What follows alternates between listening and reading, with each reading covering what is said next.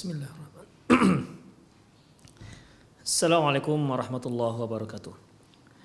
Innal hamdalillah nahmaduhu wa nasta'inuhu wa nastaghfiruh. Wa na'udzu billahi min shururi anfusina wa sayyiati a'malina. Man yahdihillahu fahuwal muhtadi wa man yudlil falan tajida lahu waliyyan mursyida. Asyhadu an la ilaha illallah wahdahu la syarika lah وأشهد أن محمدا عبده ورسوله الذي لا نبي بعده.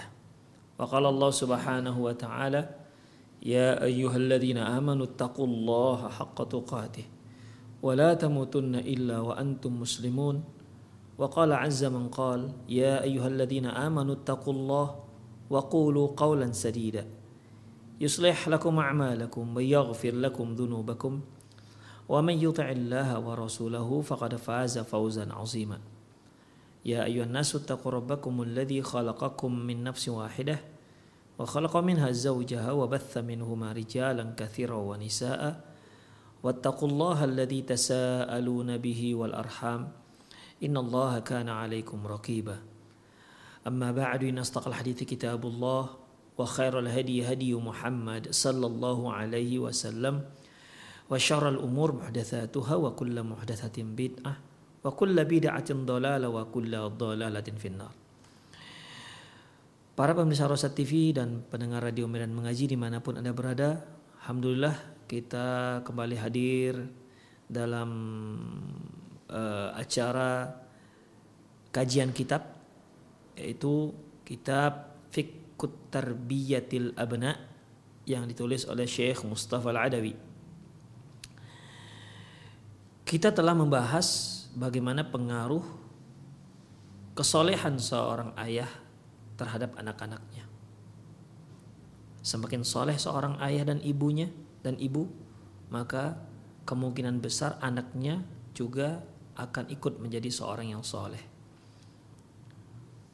Demikian juga ikhwah rahimani Allah wa iyyakum uh, seorang yang yang berbuat buruk maka juga akan berpengaruh terhadap anak-anaknya. Jadi baik perbuatan yang positif maupun yang negatif, maka anak-anak akan menirunya. Ikhwah ada satu hal yang juga tak kalah penting yang perlu diingatkan yaitu wala tanha anil khuluqin an khuluqin wa ta'ti mithlah. Jangan kamu melarang si anak dari melakukan uh, melarang si anak atas tingkah laku yang dia lakukan sementara Anda melakukan tingkah yang sama. Misalnya anak kita berbohong. Kita katakan, "Nak, jangan, kamu jangan berbohong, Nak." Ketika kita melarang anak kita jangan berbohong, maka jangan sampai dia mendapati kita juga berbohong. Kita katakan kepada si anak, "Nah, kita kita menjadi seorang manusia, apalagi seorang muslim, kita harus jujur. Jangan dusta, jujur." Maka jangan sampai kita Ya, mereka mendapatkan kita itu ternyata tidak jujur. Jadi apa yang kita nasihati pada anak-anak kita ternyata bercanggah dengan perbuatan kita sendiri.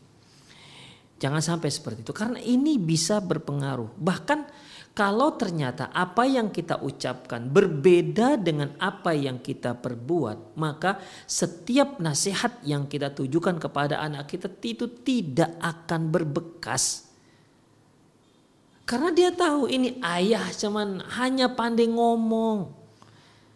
Hanya pandai nasihati. Dia sendiri tidak mampu melakukan atau dia tidak sendiri tidak mau melakukan. Makanya hambar jadinya nasihat tersebut. Ya. Wong ayahnya sendiri saja tidak mampu melakukan apa yang diucapkan apalagi orang lain. Demikian ikhwah. Arun alaika azim antanha auladak an khuluqin sayyi'in wa tafa'aluhu anta. Aib. Ikhwah, sangat aib. Engkau melarang anakmu dari melakukan sebuah perbuatan sementara Anda sendiri melakukan itu. Ini aib benar ikhwah. Ya, sangat aib. Arun alaika antanha antanhahum anil kadhib wa anta takdzibu amamahum. Sungguh sangat aib Anda melarang anak Anda untuk jangan sampai ber, berkata bohong sementara Anda sendiri terang-terangan berbohong di hadapan mereka. Ini aib, ikhwah. Ya'ti syakhsun ila baitika yas'alu anka fataqulu liwaladik kullahu ghairu mawjud. Seperti kalau datang seseorang uh, ke rumah, lantas kita pesan ke anak kita, nanti kalau ada yang datang, bilangi, bilangkan ke dia, abi nggak di rumah, ayah nggak di rumah. Kaifa ta'lamu kaifa tu'allimu waladaka al-wafa? Wa anta ta'udhu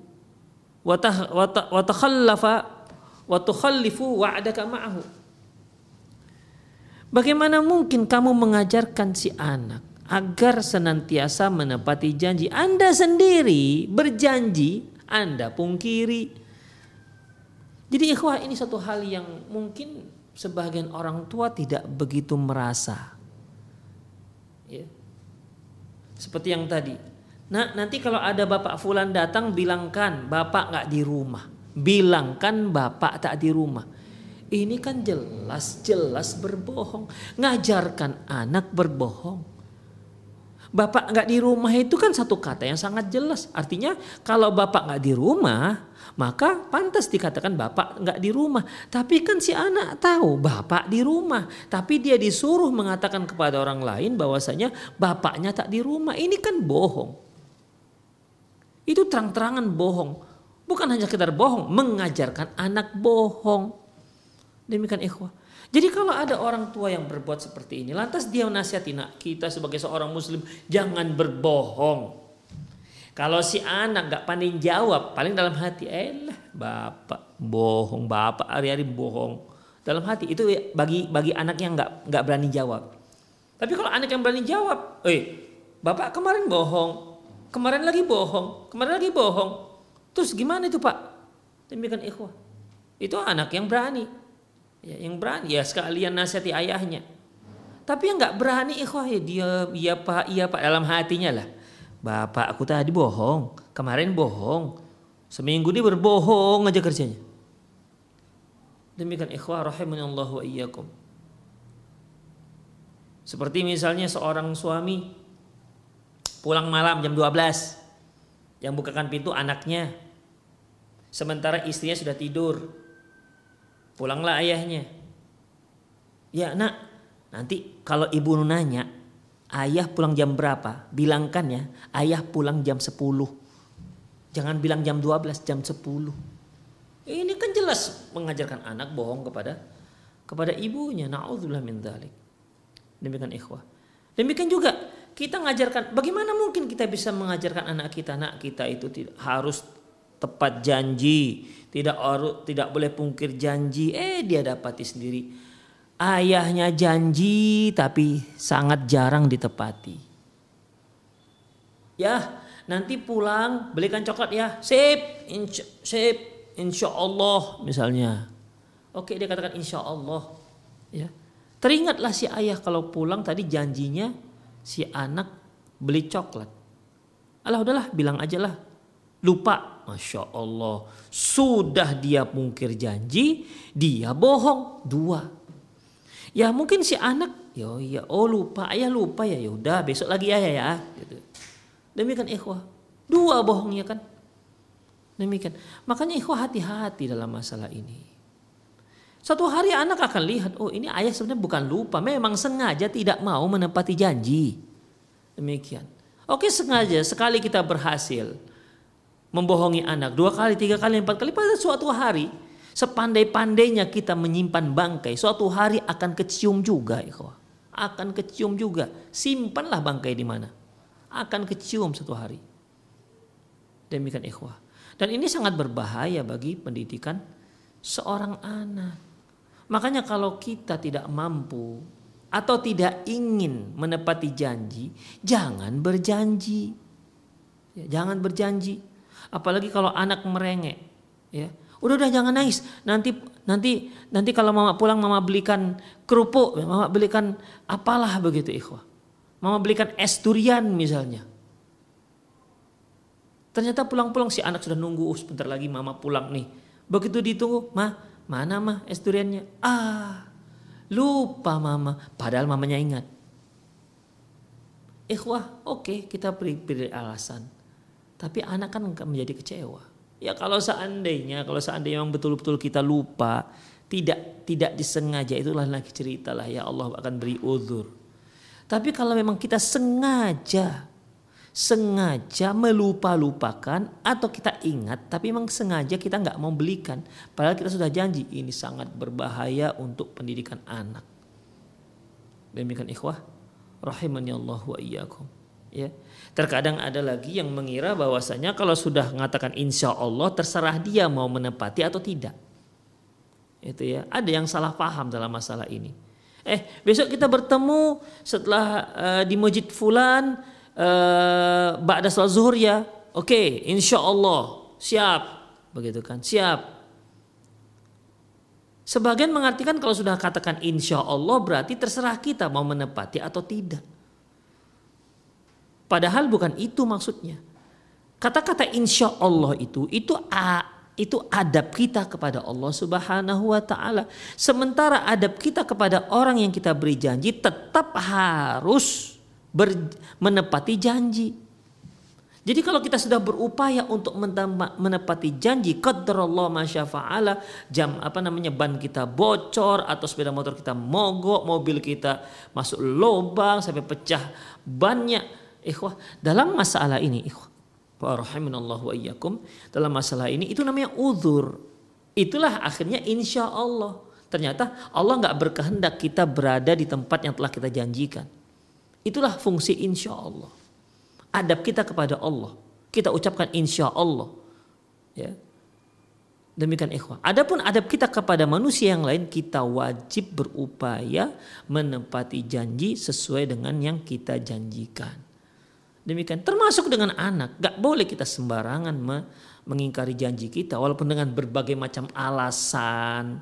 Ya, dengan berbagai macam ya apa namanya kekilahan sehingga si anak uh, menerima atas alasan tersebut. Oke, si anak menerima.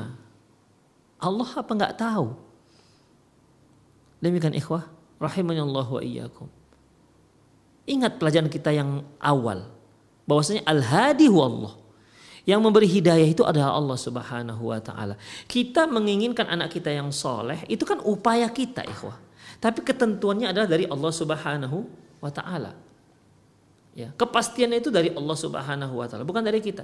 Tapi kita hari-hari membohongi anak kita. Kita hari-hari berjanji dan sengaja tidak menepati janji kita kepada anak kita. Terus Oke, anak kita bisa memaham, bisa me, apa namanya, memberi uzur, ya bisa memahami, bisa menerima karena kita pandai bersilat lidah dan pandai beralasan. Allah yang memberi hidayah pada si anak gimana? Allah kan tahu. Demikian ikhwah rahimani Allah.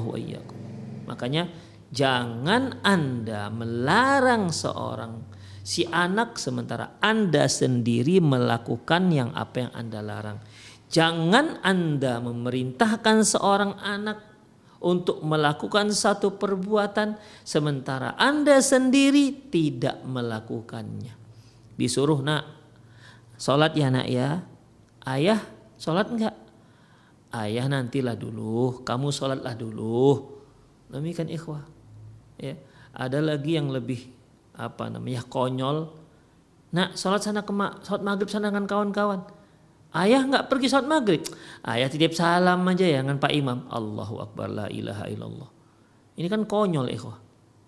Ya. Bukannya si si ayah seharusnya terenyuh dengan apa yang dikatakan anaknya. Iya ya, masa saya nggak sholat? Anak saya saya suruh sholat ke masjid, saya nggak sholat ke masjid.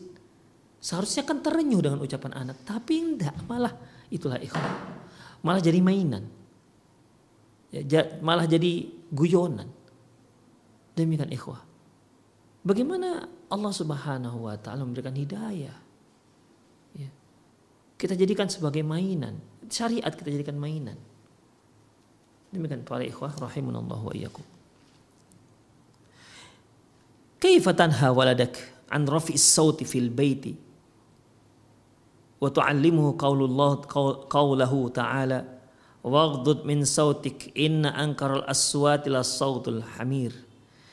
Bagaimana mungkin anda melarang anak Anda agar tidak menguatkan suara di rumah, agar tidak berteriak di rumah. Dan Anda mengajarkan firman Allah, waghdud min sautik, rendahkan suaramu. Inna angkaral aswati la sautul hamir. Sungguhnya suara yang kuat itu, yang teriakan itu, seburuk-buruk suara adalah suara keledai. Nah, kamu jangan teriak-teriak ya nak ya. Karena Allah menyuruh kita untuk memelankan suara dan sesungguhnya suara yang paling buruk itu adalah suara keledai nak. Kita larang anak kita untuk berteriak di rumah. Eh besoknya kita sudah lebih parah lagi teriakan kita dibandingkan anak. Lebih kuat suara kita ketimbang suara anak kita. Na'udzubillah min dzalik. Wa anta tarfa'u sautak bisibabi wasyataimi wasyahi fil bait. Sementara Anda sendiri berteriak menguatkan suara bersuara keras dengan mengucapkan cacian makian teriakan di rumah. Tasubbu zaujatak wa tasubbu abna'ak. Kamu caci maki istri anak-anakmu. Itu dengan suara yang kuat. Ya Allah Mau jadi apa anak-anak kita kalau dididik seperti ini? Kemarin si ayah mengajar kena suara kita jangan kuat-kuat di rumah, nggak boleh. Allah membenci suara kuat. Ya, suara kuat yang suara yang diteriak-teriakkan itu itu menyerupai keledai.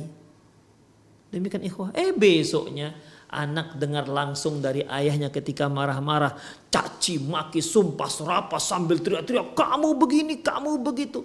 Dicaci maki istrinya, ibu si anak, caci maki anaknya. Demikian ikhwah. Jauh lebih parah ketimbang yang dia lakukan oleh si anak. Demikian ikhwah rahimunallahu wa iyyakum. Kaifa tanha waladak an syarbi? Bagaimana Anda bisa Bagaimana mungkin Anda melarang anak Anda untuk tidak merokok? Wa anin nadhari ilal muharramat dan melarang anak Anda dari apa apa namanya hal, melihat hal-hal yang diharamkan wa anta tashrabud dukhan wa tanduru ilal muharramat. Sementara Anda sendiri mengisap rokok dan nonton film porno.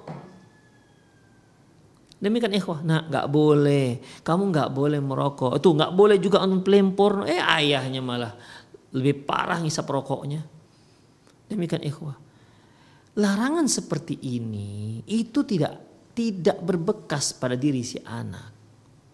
Si anak akan menggerutu dalam hatinya, Allah ayah melarang melarang ayah sendiri melakukan. Akhirnya tidak ada wibawa nasihat kita itu. Kenapa? Karena setiap nasihat yang kita berikan kepada anak kita. Yang kita larang kita lakukan sendiri. Yang kita perintahkan kita sendiri nggak melakukan. Bagaimana mungkin nasihat kita tuh menjadi wibawa? Coba ya kalau seorang tua seperti yang telah kita pelajari. Si anak melihat orang tuanya rajin sholat tahajud. Masya Allah rajin baca Quran. Kemudian nah ayolah kita baca Quran. Itu berbekas pada diri si anak. Karena dia lihat memang orang tua yang rajin baca Quran. Demikian ikhwah Orang tua yang apa namanya rajin ke masjid, ya sholat berjamaah di masjid, kemudian dia ajak anak-anak laki-lakinya, yuk nak kita pergi ke masjid, yuk nak kita pergi ke masjid, mengajak. Mereka apa namanya oke sekali dua kali mungkin dikarenakan masih kecil mereka nggak pergi. Tapi satu hari mereka akan ikut dengan ayahnya. Bahkan berapa banyak anak-anak dari para uh, para bapak-bapak yang rajin ke masjid mereka nggak diajak sudah kepingin ikut Tinggal kita lah yang mengkondisi dia, jangan mengkondisikan mereka jangan sampai mengganggu orang yang ibadah di masjid gara-gara anak kita. Demikian ikhwah. Kenapa? Karena dia lihat ayahnya pergi ke masjid. Dia pun akan kepengen ikut ke masjid. Demikian ikhwah rahimanallahu wa iyyakum. Ya. Idza qulta liwaladik la tashrabu sayjarah. Kalau kamu berkata kepada anak anakmu, Nak, kamu jangan merokok. Faqalalak. Kalau dia balik bertanya kepadamu. Lima ya abi, kenapa nggak boleh merokok? Famada tujibu waladak wa anta tashrabuha. Kalau anda sendiri merokok, lantas apa yang anda jawab? Apa jawaban yang anda berikan kepada anak anda? Anda sendiri merokok. Ya. Demikian ikhwah. Saya kira tidak ada seorang pun orang tua yang kepingin anaknya merokok. Ya. Dan tidak ada seorang orang tua pun, ya kecuali orang tua yang nggak waras yang mengajak anaknya untuk merokok. Demikian ikhwah. Walaupun anaknya sudah kuliah misalnya, kalau dia lihat anaknya nggak merokok, saya yakin orang tua nggak akan mengajak anaknya merokok. Nah, nggak ngerokok nak. Saya yakin nggak ikhwah. Apalagi yang masih SD. Nah nih rokoknya, kamu hisap lah. Belajar-belajar merokok macam ayah. Saya kira ndak ada ayah yang waras tidak ada ayah yang waras yang mengajak anaknya merokok apalagi masih kecil. Demikian ikhwah. Ya jadi dalam masalah ini gimana kalau bagaimana kalau menjawabnya? Bagaimana cara menjawabnya kalau dia bertanya, "Kenapa ya nggak boleh merokok?" Karena si ayah merokok. Kalau dikatakan, "Nah, supaya sehat paru-parunya." Loh, ayah kok merokok? Berarti ayah membuat rusak paru-paru ayah. Begitu bisa bisa bisa balik dia melawan kita di, bisa balik menghujat kita ikhwah. Demikian ikhwah. Kalau dikatakan kamu masih kecil, berarti udah besar boleh ya? Begitu. Demikian ikhwah. Rahimahnya Allah wa iyyakum. Tapi kadang-kadang perokok ini juga ada alasan dia, ya. Kenapa ya nggak boleh merokok? Ya kamu belum bekerja. Berarti kalau udah bekerja udah boleh merokok? Boleh. Nah, begitu juga kata si ayah. Ada juga ayah-ayah seperti ini. Demikian ikhwah. Eh, jadi intinya ya sulit kita untuk menjawab kalau kita sendiri melanggar.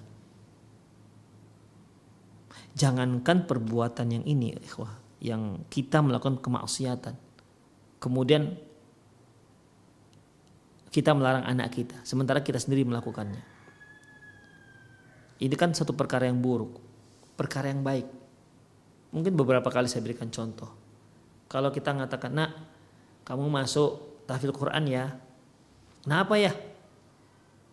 supaya hafal Al-Quran.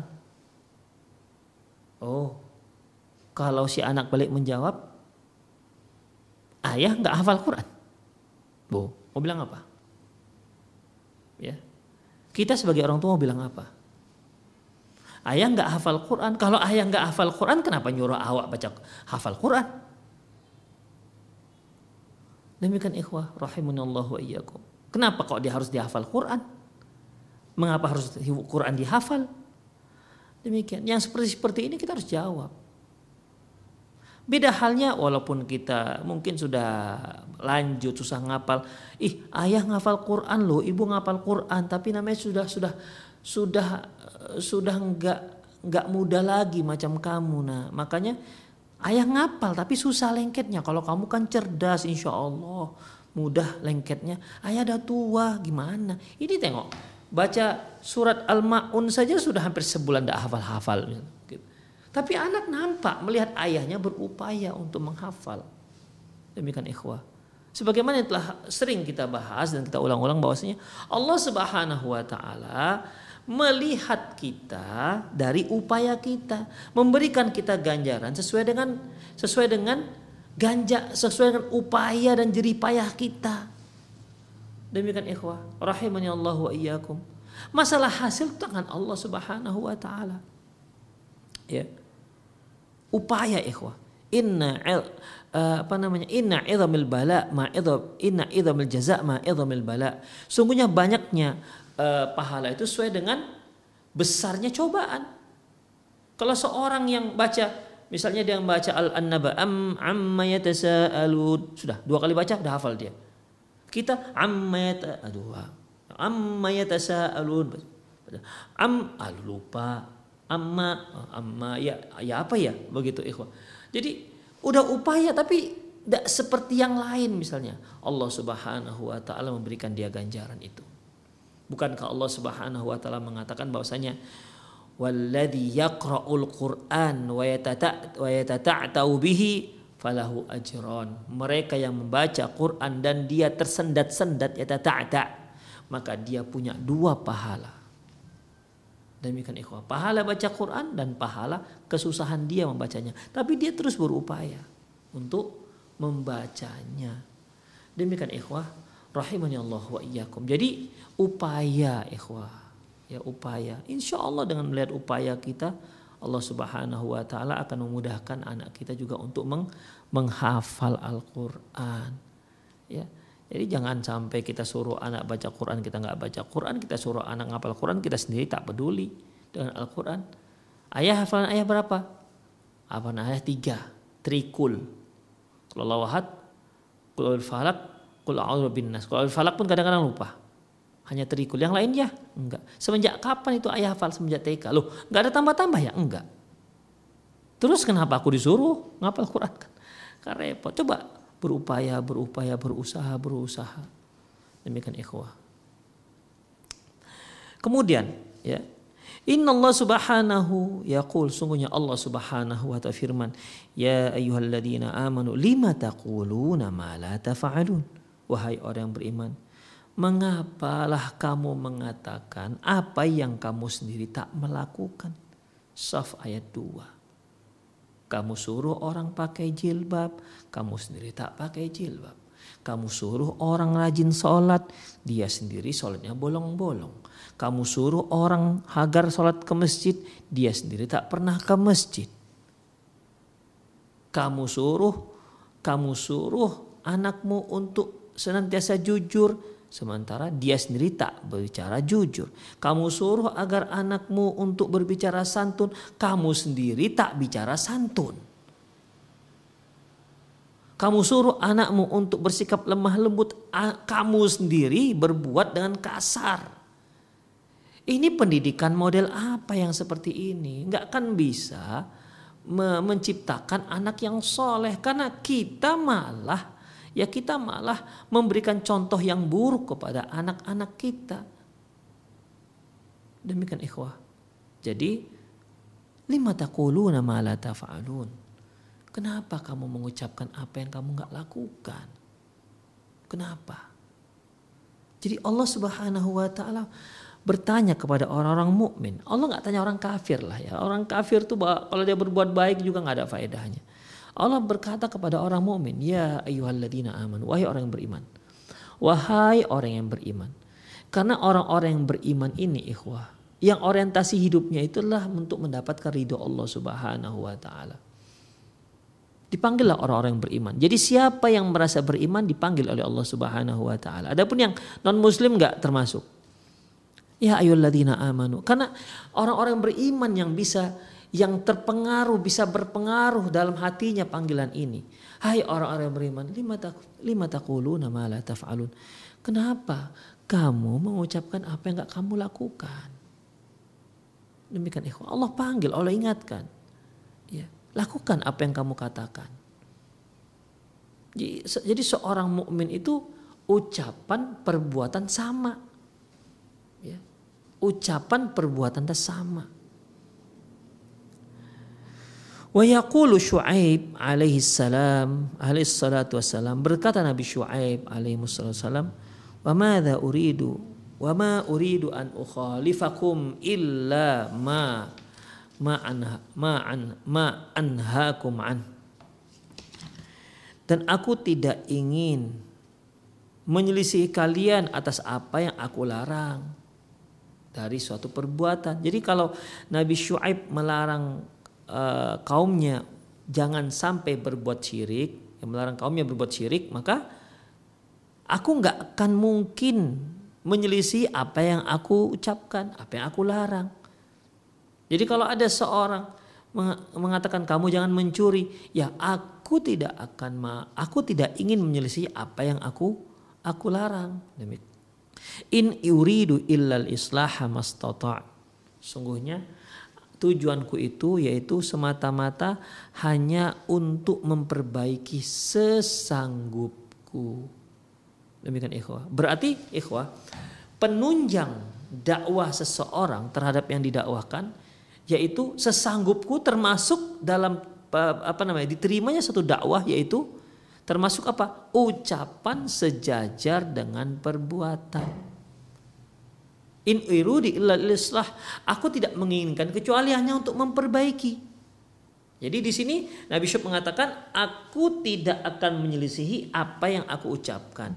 Dan ini aku lakukan dan tujuanku itu hanyalah untuk membuat perba, perba, perbaikan. Berarti ikhwah, kalau ada orang yang berbeda ucapan dengan perbuatan, hasilnya tidak akan berbuah kebaikan. Itu di ikhwah. Apalagi kita sebagai seorang para duat, para dai, para ustadz. Ya, kenapalah madaunya ini nggak faham-faham hari-hari mengaji tapi akhlaknya tak berubah-berubah, bolehlah kita introspeksi diri kita sendiri. Jangan-jangan memang dari kitanya ini. Sehingga Allah Subhanahu wa taala tidak memberikan hidayah kepada seseorang melalui kita. Terkadang seorang ustadz, masya Allah retorikanya hebat, uh, ucapannya fasih, hadisnya hafal, namun tidak bisa memberikan hidayah kepada seseorang. Tapi ternyata ketika seorang ini duduk bersama seorang yang enggak ustadz biasa-biasa aja dia, ya. Tapi apa yang dikatakan orang ini kok bisa menyentuh hatinya sehingga dia bisa berubah. Masya Allah, yang ini ustadz tenar, ya. Retorikanya luar biasa, memukau, orang terpukau, tapi tak dapat hidayah dari dia. Yang di sini biasa-biasa saja dia nggak pandai ber apa namanya nggak pandai bersilat lidah, nggak pandai berretorika dia hanya bang kita uh, kita ke masjid ya bang. Enak bang kalau kita sholat di masjid. Bisa khusyuk. Kalau kita sholat sendiri kalau kita sholat sendiri kita mau bawaannya mau cepat-cepat aja bang begitu mungkin sederhana lah bahasanya nggak pakai innalhamdalillah nahmaduhu nggak pakai begitu ikhwah eh si abang mau Padahal dia mendengar dari seorang ustadz satu jam hukum sholat ke masjid. Tapi begitu keluar dari kajian tidak ada keinginan untuk ke masjid. Adalah enak di rumah. Demikian ikhwah. Li Allah bika rajulan khairul laka min humur na'am. Sungguh Allah memberi hidayah kepada seseorang melaluimu itu lebih lebih baik, lebih berharga ketimbang unta merah. Demikian ikhwah. Dan untuk mendapatkan hidayah, untuk bisa agar seorang dapat hidayah melalui kita, ya, melalui kita, maka Allah Subhanahu wa taala memberikan sesuatu kepada kita. Apa itu? In wa ma uridu an ukhalifakum illa ma ma anhakum anhu. Aku tidak ingin kata Nabi Syuaib, aku tidak ingin menyelisih kalian dengan apa yang aku ucapkan, dengan apa yang aku larang. Tak ingin. In uridu ilal islah, aku hanya menginginkan perbaikan. Jadi untuk memperbaiki umat, terkhusus untuk memperbaiki anak-anak, maka jangan sampai berbeda antara ucapan dan perbuatan. Coba kita renungkan lagi ikhwah. Saya baca ulang apa yang dikatakan Nabi Shu'aib dalam surat Hud ayat 88. Wa ma uridu an ukhalifakum ila ma anhakum an. Aku tidak ingin menyelisihi kalian atas apa yang aku larang. Jadi aku tidak ingin sesuatu yang aku larang, aku sendiri mengerjakannya. Wa ma uridu in uridu illal islah mastata'atu. Sungguhnya yang tujuanku melakukan hal itu untuk memperbaiki sesanggupku. Nah, bayangkan. Berarti untuk memperbaiki haruslah seperti ini supaya bisa terperbaiki. Kalau ternyata perbuatan berbeda dengan ucapan, dia larang sementara dia melakukan, dia perintahkan, dia sendiri tak melakukan, ini tidak bisa membuat menjadi lebih baik. Tidak bisa membuahkan perbaikan. Demikian ikhwah rahimanallah wa iyyakum. Wah adalah hadis li Rasulullah SAW fi hadal bab. Coba perhatikan di sini ada hadis Rasulullah SAW tentang yang berbicara dalam masalah ini. Akhrajahul Bukhari, akhrajahul Bukhari min hadis Uma, min hadis Usama bin Zaid radhiyallahu anhu. Diriwayatkan oleh Imam Bukhari dari Usama bin Zaid radhiyallahu anhu. Qala dia berkata, radhiyallahu anhuma, mengapa radhiyallahu anhuma? Semoga Allah meridhoi mereka berdua karena usamahnya itu sahabat, ayahnya Zaid juga sahabat. Zaid ini yang pernah dijadikan anak angkat oleh Rasulullah SAW, yaitu Zaid bin Harithah. Ya. Zaid bin Harithah kan pernah uh, orang-orang menamakan Zaid bin Muhammad, tapi ketika turun ayat Udu'uhum bi abaihim huwa aqsatu indallah. Kamu panggil dia dengan kalian panggil dia dengan nama ayah kalian. Itu lebih lebih adil di sisi Allah Subhanahu wa taala. Sejak itu kembalilah Zaid bin Harithah, tidak lagi Zaid bin Muhammad. Jadi bin itu tidak bisa diberikan kepada ayah angkat. Nah, hasil pernikahan Zaid bin Harithah lahirlah Usamah bin Zaid. Ya, Usamah bin Zaid. Zaid ini pernah diangkat Rasulullah SAW menjadi panglima perang yang akhirnya meninggal tewas.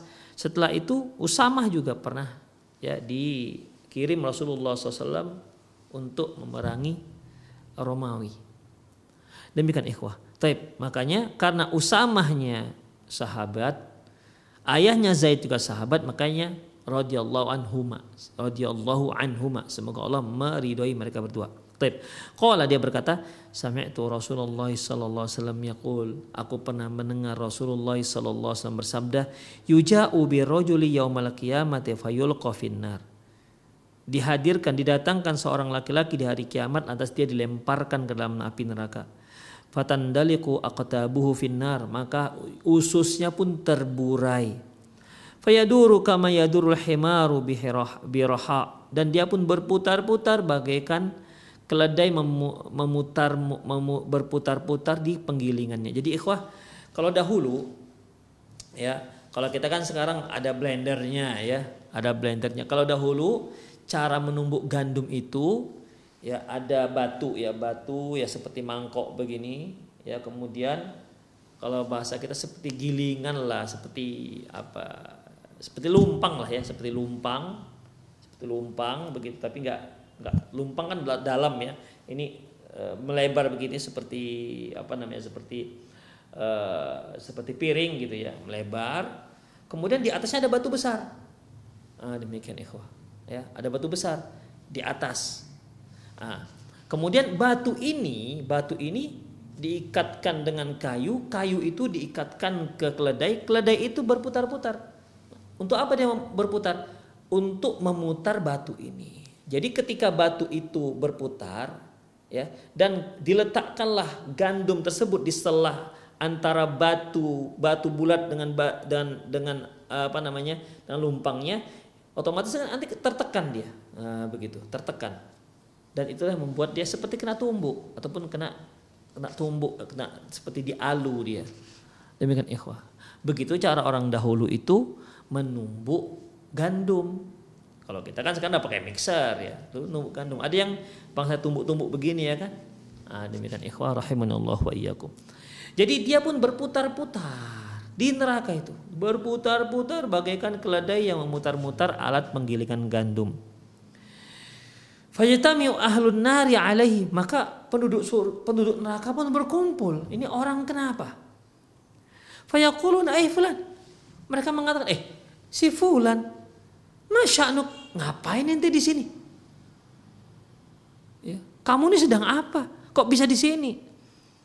Alaisa kunta ta'muruna bil ma'ruf wa tanhana 'anil munkar. Loh, kamu kan dulu menyuruh kami untuk berbuat baik dan melarang kami berbuat mungkar. Demikian ikhwah. Heran orang penduduk neraka loh. Kok kamu bersama kita di sini? Dulu kan kamu menyuruh kami, menyuruh orang-orang berbuat baik, melarang orang-orang berbuat mungkar. Seharusnya kamu nggak di sini tempatnya. Ini salah tempat tuh gimana? Tempat kamu sono di surga bukan di sini. Demikian. Kok bisa kamu tuh kenapa kok sampai seperti ini? Ternyata ada sebab, maka dia digabungkan dengan penduduk neraka jahanam. Qal dia berkata, "Kuntu amurukum bil ma'ruf." Dahulu aku memang menyuruh kalian untuk berbuat baik. Wala ati. Sementara aku sendiri nggak melakukannya. La ilaha illallah. Nyuruh orang sholat dia nggak sholat. Nyuruh orang berbuat baik dia tak berbuat baik. Menyuruh orang berinfak Ayo kaum muslimin berinfak kita akan bangun ini dan bangun itu. Oh, dia sendiri tidak ada berinfak. Dia sendiri pelit, tidak mau mengeluarkan uang sepersen pun dari dompetnya, tapi mengajak orang berinfak luar biasa. Ayo, siapa lagi? Siapa lagi? Ayo, siapa yang mau masuk surga? Masya Allah. Kita bangun masjid. Dibacakannya hadis, man bana masjidan walau kama fasil qatat banallahu lahu baitan fil jannah. Barang siapa yang bangun masjid walaupun sebesar biji, sarang sarang burung, maka Allah akan bangunkan untuk dia satu rumah di surga. Masya Allah, bukan hadis-hadis, dia tak keluar sepersen pun. Demikian ikhwah rahimanallahu iyyakum. Ya terutama para ustadz, para dai yang mengajak orang untuk berinfak. Cobalah cobalah renungkan diri sendiri berinfak apa tidak. Jangan sampai menyuruh orang berinfak dia sendiri tak pernah berinfak. Kalau menyuruh orang berinfak luar biasa, oh, bergegap gempita, wah, wah, wah, wah, memberi semangat untuk berinfak. Dia tak pernah berinfak. Naudzubillah min dzalik. Lupa dia dengan dirinya. Menyuruh orang, dia sendiri tidak laku, tidak berbuat. Kuntu amurukum bil ma'ruf. Dahulu aku menyuruh kalian untuk berbuat ma'ruf. Walati. Sementara aku nggak melakukannya. Wa anhaakum anil mungkar. Wa ati Aku melarang kalian berbuat mungkar, tapi aku sendiri melanggarnya. Jangan main judi, dia rupanya main judi online.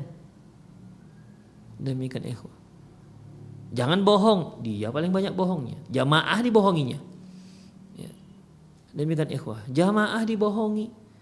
Mengumpulkan duit untuk kaum fukoro, ternyata masuk ke dompetnya. Na'udzubillah. dibohongi. Demikian ikhwah. Ya. Jadi akhirnya ya inilah dia Allah campakkan dia ke dalam neraka jahanam. Nauzubillah min dzalik. Semoga Allah Subhanahu wa taala menghindari kita dari perbuatan seperti ini. Ya memang ikhwah, saya yakin banyak yang terprosok di sini. Saya, Anda, permirsa, marilah kita berupaya, berusaha. Memang kalau mengucapkan menyuruh orang untuk berbuat baik memang lebih mudah ketimbang kita sendiri melakukannya.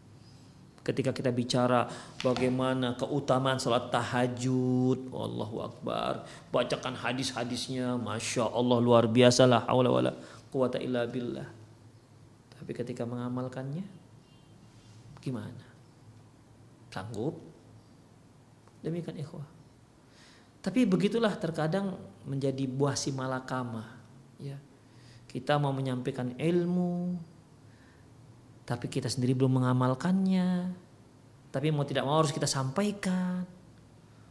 Ya makanya ikhwah rahimanallah wa iyyakum Syekh Muhammad bin Abdul Wahab dalam kitab Usul Salasa kan beliau katakan yaitu seorang muslim itu ya harus berilmu beramal berdakwah dan sabar atas uh, gangguan dalam dakwah berilmu, beramal, dakwah dan sabar. Demikian ikhwah. Tidak ada jalur lain. Ya, tidak ada jalur lain. Tidak bisa kita mengatakan, udahlah saya nggak belum belum belum bisa beramal, makanya saya nggak mau cari ilmu. Nanti kalau saya cari ilmu dapat ilmu saya nggak bisa mengamalkannya. Akhirnya dengan alasan seperti itu, dengan bisikan iblis seperti itu, dia nggak mau ngaji, udahlah nggak usah ngaji lah nanti banyak yang tahu nggak sanggup mengamalkannya. Akhirnya nggak ngaji-ngaji. Alasannya cukup masuk akal. Tapi ingat itu bisikan setan. Memberikan kita ala memberikan kita alasan supaya kita nggak ngaji. Sementara setan itu sangat suka. Kalau ada seorang muslim nggak ngaji-ngaji. Kalau ada seorang muslim nggak mencari ilmu karena kalau seorang mencari ilmu, minimal dia tahu, walaupun dia nggak mengamalkan, minimal dia tahu ini perbuatan buruk. Kan berapa banyak orang yang apa namanya? Karena dangkalnya ilmunya, dia nggak bisa membedakan mana yang baik, mana buruk. Orang berbuat baik dia katakan nanti sesat. Orang yang berbuat buruk malah dikatakan ini sunnah. Gara-gara apa? Gara-gara dangkal ilmunya. Makanya orang Arab mengatakan al insa uh, uh, al al jahlu uh, al insanu aduun lima jahilahu manusia itu musuh atas apa yang tidak dia ketahui berapa banyak sunnah-sunnah Rasulullah SAW yang diamalkan oleh seorang pemuda kemudian diingkari oleh orang lain. Eh kamu ini berbuat sesat ya. Demikian ikhwah, padahal ada dasarnya. Itu mengapa terjadi? Karena dia nggak tahu. Makanya ikhwah rahimunallah, seorang yang berilmu tapi dia belum sanggup mengamalkan, ini masih lebih baik ketimbang orang bodoh. Ya. Orang bodoh itu bisa mengingkari sesuatu yang baik karena dia kira itu buruk. Tapi seorang yang berilmu, walaupun dia belum bisa mengamalkan, dia sudah tahu, oh ini memang ada dasarnya. Dia nggak mengingkari. Berapa banyak ikhwah rahimunallah wa iyyakum orang yang memfitnah dakwah Syekh Muhammad bin Abdul Wahab yang dikatakan radikal lah, yang dikatakan suka mengkapir-kapirkan orang lah, ya, yang suka membunuh orang lah, la ilaha illallah. Demikian. Dikenakan apa? Kejahilan. Berapa banyak orang-orang awam ikut mengaminkan betul itu betul gara-gara kejahilan dia. Akhirnya ya, akhirnya menyesat-nyesatkan sesuatu yang memang disyariatkan oleh Allah Subhanahu wa taala. Demikian ikut-ikutan menfitnah Syekh Muhammad bin Abdul Wahab. Gara-gara kejahilan ini ikhwah. Ya. Jadi jangan termakan dengan bisikan setan itu. Jangan. Untuk apa ngaji? Nanti kamu nggak bisa ngamalkannya, tambah banyak dosamu. Gak ngamalkan ilmu. Ah, demikian ikhwah. Ya, makanya udah. Kita wajib menuntut ilmu. Kemudian setelah tahu wajib untuk mengamalkan semampu kita mengamalkannya. Kita dapat lima, udah kita amalkan. Mau nggak nggak bisa lima ya empat, nggak bisa empat ya tiga, nggak bisa tiga ya dua. Demikian, nggak bisa dua ya satu. Tapi kita berupaya untuk mengamalkannya. Kemudian setelah itu mendakwahkannya. Demikian ikhwah, rahimunallah wa iyyakum. Muncul lagi bisikan setan, nanti kamu mengamalkan sendiri nggak pandai mendakwahkan Demikian. Dan ada lagi setan ini mengatakan, kamu mendakwakan kamu sendiri belum mengamalkan. Udahlah nggak usah dakwah-dakwahi. Demikian. Gak usah kamu dakwah-dakwah. Ketika dia melihat ada satu kemungkaran, Allah nggak usah diingkari-ingkari. Kamu sendiri belum belum tentu melakukannya. Demikian ikhwah. Ada satu sunnah yang perlu kita kita kita ajarkan kepada orang lain. Allah, setan masuk tuh, masuk bisikannya. Allah kamu sendiri belum tentu mengamalkannya. Akhirnya, oh iya juga ya nggak jadilah dia berdakwah. Akhirnya diam untuk dia sendiri. Dosa juga dia. Kenapa? Seorang muslim harus berdakwah sesuai dengan kemampuannya. Kemudian apa lagi? Setelah dia berdakwah, selesai? Enggak, dia harus sabar. Masuk lagi bisikan setan. Udah, kamu usah berdakwah nanti. Kalau kamu berdakwah ada yang nantang, kamu nanti sengsara, nggak sanggup sabar, terpukulmu pula nanti orang yang ngingkarimu begitu. Sementara kamu emosional, udah nggak usah dakwah-dakwah. Karena itu kamu nanti nggak sabar. Nah, demikian. Inilah ikhwah, ya bisikan-bisikan syaitan. Jadi seorang mukmin itu ya harus berilmu, berupaya untuk beramal, berupaya untuk berdakwah, berupaya untuk ber, bersabar. Itu jalan satu-satunya. Gak boleh dia menyimpang dari itu. Gak boleh menyimpang dari itu. Kalau dia menyimpang dari itu, berarti dia sedang memperikutkan bisikan iblis Demikian ikhwah. Rahimani Allah yakum. Ya. Itu kita sebagai seorang muslim. Makanya ikhwah, kita harus banyak untuk ilmu. Kemudian sekali lagi berupaya semampu kita semaksimal untuk mengamalkannya. Demikian mendakwahkan dan menyabar, menyabarkan diri kita atas fitnah-fitnah dalam dakwah. Demikian ikhwah.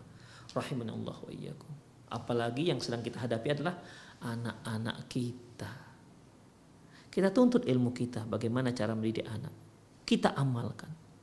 Kita dakwahi. Kita sabar. Karena nggak semua anak yang bisa cepat menerima. Ada yang lambat dia menerima, ada yang cepat menerima. Maka butuh butuh kesabaran, butuh kesabaran dan butuh kesabaran. Ya ayyuhalladzina amanus biru. Wahai orang yang beriman, bersabarlah dan berusahalah untuk tetap sabar. Semoga Allah Subhanahu wa taala memberi kita kekuatan, memberi kita inayah supaya kita bisa mengamalkan setiap ilmu yang kita dakwah, yang kita dapati. Sehingga ketika kita melarang anak kita, memang kita sudah tidak melakukannya. Kita tidak melakukannya. Ketika kita menyuruh anak kita, kitalah orang pertama melakukannya. Sehingga amalan ini bisa menular kepada anak kita. Jadi sehingga anak kita menjadi anak yang soleh dan soleha yang diridhoi oleh Allah Subhanahu wa taala. Demikian para pemirsa, semoga sedikit eh, kajian ini bermanfaat. Lebih dan kurang mohon maaf aku qouli hadza wa astaghfirullah li wa lakum muslimin innahu wal ghafurur rahim.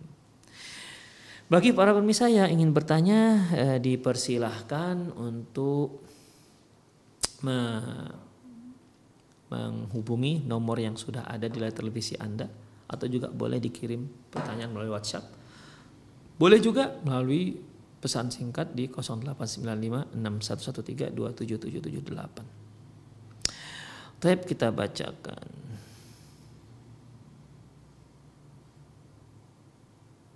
Assalamualaikum Ustaz setelah sholat duha bolehkah kita berdoa dengan bahasa Indonesia? Boleh. Setelah sholat duha berdoa boleh silakan doa apa saja. Angkat tangan anda angkat tangan.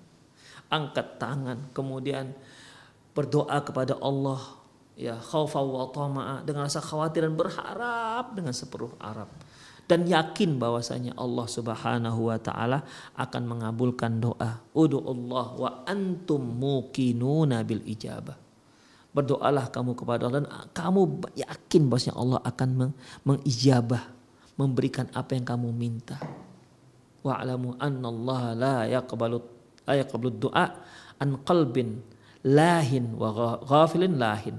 Ketahuilah bahwasanya Allah enggak memberikan jawaban, tidak akan mengabulkan doa orang yang hatinya hatinya lalai dan entah ke mana pikirnya ketika berdoa. Kan banyak orang berdoa, Ya Allah, mudahkan rezekiku. Ya Allah, mudahkan rezekiku. Tapi pikiran entah ke mana-mana, nggak konsentrasi. Makanya ikhwah, angkat tangan, kemudian doa sungguh-sungguh. Mohon kepada Allah subhanahu wa ta'ala dengan sangat sungguh-sungguh. Seperti seorang yang sudah kelaparan yang ingin untuk makan, mau meninggal, dia minta apa dia sedang meminta sepotong roti untuk dia makan. Gimana caranya? Kan sungguh-sungguh begitu minta kepada Allah Subhanahu wa taala. Silahkan, boleh ya. Boleh setelah salat mau bahasa apa? Indonesia, mau bahasa Jawa silakan. Minta kepada Allah apa saja. Selama bukan maksiat. Ya, minta.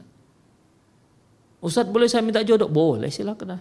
Boleh saya minta dilimpahkan rezeki? Boleh silakan tidak masalah. Ya, jangan khawatir. Sesungguhnya, sesungguhnya Eh, perbendaharaan Allah itu sangat banyak. Dalam sebuah hadis sebutkan sesungguhnya apabila Allah Subhanahu wa taala mengabulkan semua permintaan manusia, maka hal itu seperti jarum yang dicelupkan di lautan. Itu ikhwah. Air yang nempel di jarum itulah yang baru diberikan Allah kepada seluruh manusia yang diberikan kalau diberikan seluruh permintaannya. Sisanya itulah milik Allah Subhanahu wa taala. Yang nempel di jarum itu baru macam tak berkurang. Demikian ya, minta sebanyak-banyaknya, minta. Makanya kalau kita minta, ya Allah, limpahkan rezekimu. Begitu. Jangan, ya Allah, ya Allah, berikanlah aku rezeki 50 ribu saja ya Allah. Jangan, ngapain dibatasi? Minta sebanyak-banyaknya. Ya Allah, limpahkan rezekimu ya Allah padaku. Demikian. Ya Allah sukseskan anak hamba ya Allah dunia dan akhirat begitu. Jangan ya Allah naikkanlah dia kelas. Jangan hanya itu tanggung. Minta sebaik sebanyak-banyaknya pada Allah. Karena permintaan itu halal. Boleh, tapi ingat jangan lupa minta untuk maslahat akhirat.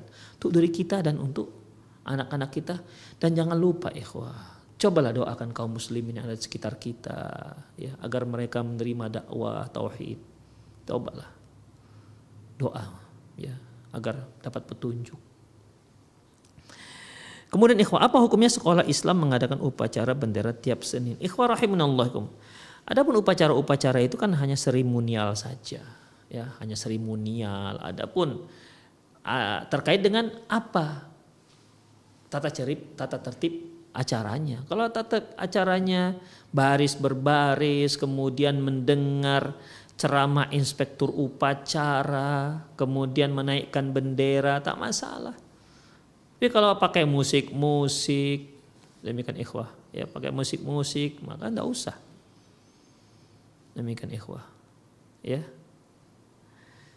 Oh, tapi ada membacakan Pancasila bacakan tidak masalah, bacakan saja.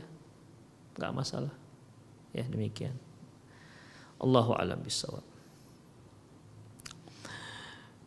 Ustadz, apabila ayah tidak peduli dengan anaknya dan juga tak memberi nafkah, apakah anak harus taat kepada ayahnya tersebut? Ya, tetap ikhwan, tetap. Allah Subhanahu wa taala firman wa in jahadaka ala an tusyrika bima laisa laka bi ilmun fala tuti'huma. Apabila kedua orang tuamu berupaya untuk mengajakmu berbuat syirik fala tuti'huma. Jangan kamu taati. Ya, jangan kamu taati. Ya qadarullah orang tuanya ternyata kafir masih. Dia baru masuk Islam. Orang tua berupaya mengajak anaknya untuk balik ke agama ayahnya misalnya dengan berbagai macam bujukan, rayuan, mungkin pemberian harta sekian banyak. Mungkin diajak dengan dari mulai lembut dengan kekerasan, fala tuti'huma jangan kamu taati. Tak boleh. Wasahibuhuma fid dunya ma'rufah. Tapi tetap kamu berbakti kepadanya, bergaul dengannya dengan cara yang baik. Demikian ikhwah. Itu orang kafir ya. Jadi ketika seorang ayah tak peduli dengan anaknya, tak memberikan nafkah, anak yang masih kecil sudah ditinggal dengan ibunya, ibunya lah yang yang yang banting tulang untuk menafkahi anaknya. Apakah ayah seperti ini wajib untuk dihormati? Ya, tetap wajib untuk dihormati.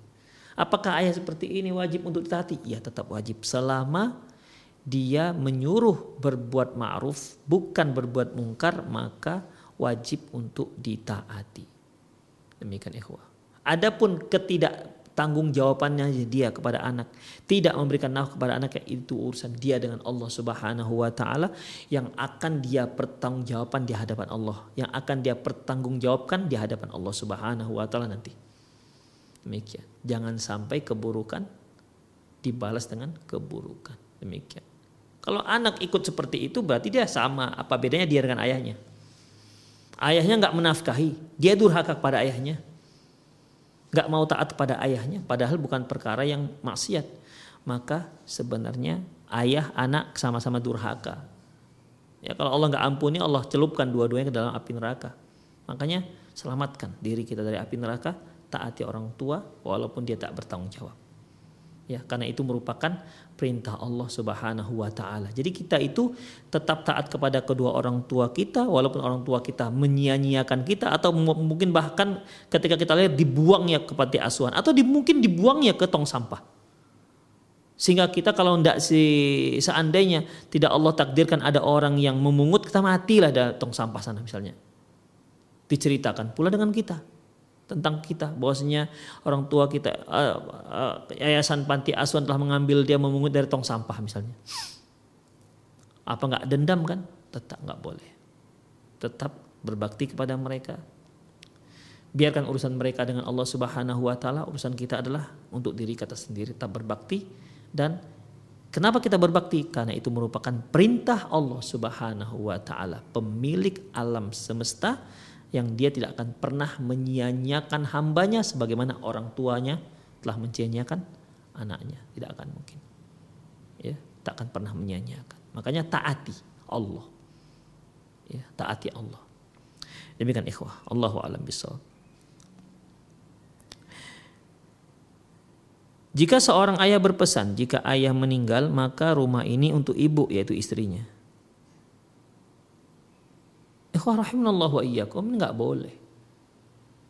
Rasulullah sallallahu alaihi wasallam bersabda, "Innallaha qad a'ta kulladzi haqqin haqqah." Sesungguhnya Allah telah memberikan masing-masing orang itu haknya. Fala wasiyata li ahli waris. Tidak ada wasiat untuk ahli waris. Istri, ya posisi istri itu kan termasuk ahli waris termasuk ashabul furud, dia memiliki jatah tersendiri. Bahkan dia diberi lebih dahulu dibandingkan yang asobah. Istri kalau punya anak, kalau si suami yang meninggal punya anak, dia dapat seperlapan. Kalau suami yang meninggal nggak punya anak, dia dapat seperempat. Demikian ikhwah. Uh, fa'inka fa in kana lakum waladun falahunna thumunu mimma taraktum. Apabila kalian punya anak, maka istri kalian mewarisi seperlapan harta kalian. Fa illam yakul lakum walad, apabila kalian tak punya anak, falahumur falahunna rubu'u mimma taraktum. Maka mereka mendapatkan seperempat dari apa yang kalian tinggalkan. Demikian ikhwah. Jadi istri itu sudah ada jatahnya. Ada anak dapat seperlapan, tidak ada anak, maksudnya anak suami yang meninggal, maka dia mendapat seperempat. Makanya nggak boleh diwasiatkan. Kalau kita wasiatkan, berarti kita telah melebihi jatah apa yang telah Allah Subhanahu wa taala tentukan dan ini nggak boleh. Ya nggak bolehkan. Bahkan Allah mengancam neraka. Demikian ikhwah. Innallaha innallaha qad a'ta kulladzi haqqin haqqa. Allah itu sudah memberikan masing-masing hak yang seharusnya pada orang yang berhak menerimanya. Jatahnya itu sudah pas. Makanya fala wasiat ali ahli waris tidak ada wasiat untuk ahli waris. Sekali lagi kenapa? Dikarenakan ya dikarenakan eh, masing-masing ahli waris sudah ada jatah warisan yang telah Allah Subhanahu wa taala tentukan. Jadi bagaimana? Boleh nggak bagi pada siapa yang kita boleh berwasiat selain ahli waris? Boleh. Tapi begitu pun tidak boleh lebih daripada sepertiga. Demikian ikhwah, azani Allahu wa iyyakum. Assalamualaikum. Hukum seorang suami berhubungan intim setelah mentalak istrinya talak tiga.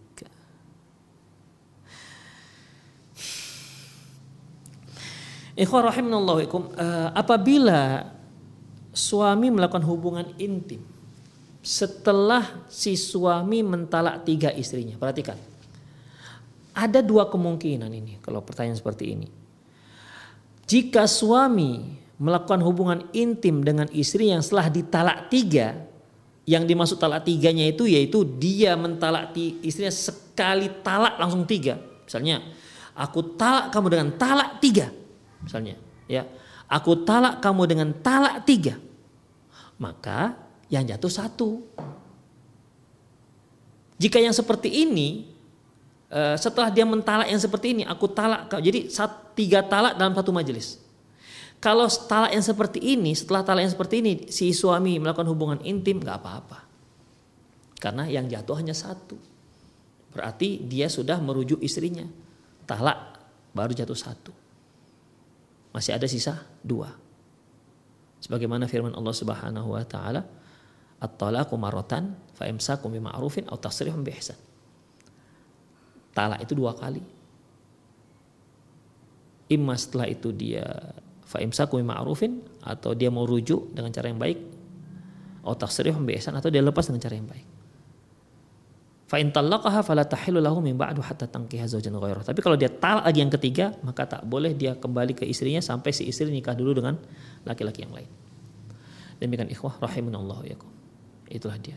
Tapi kalau yang dimaksud dengan talak tiga di sini, yang betul-betul talak tiga, misalnya suami, ku talak kamu dik, satu, dah. Setelah itu dia rujuk.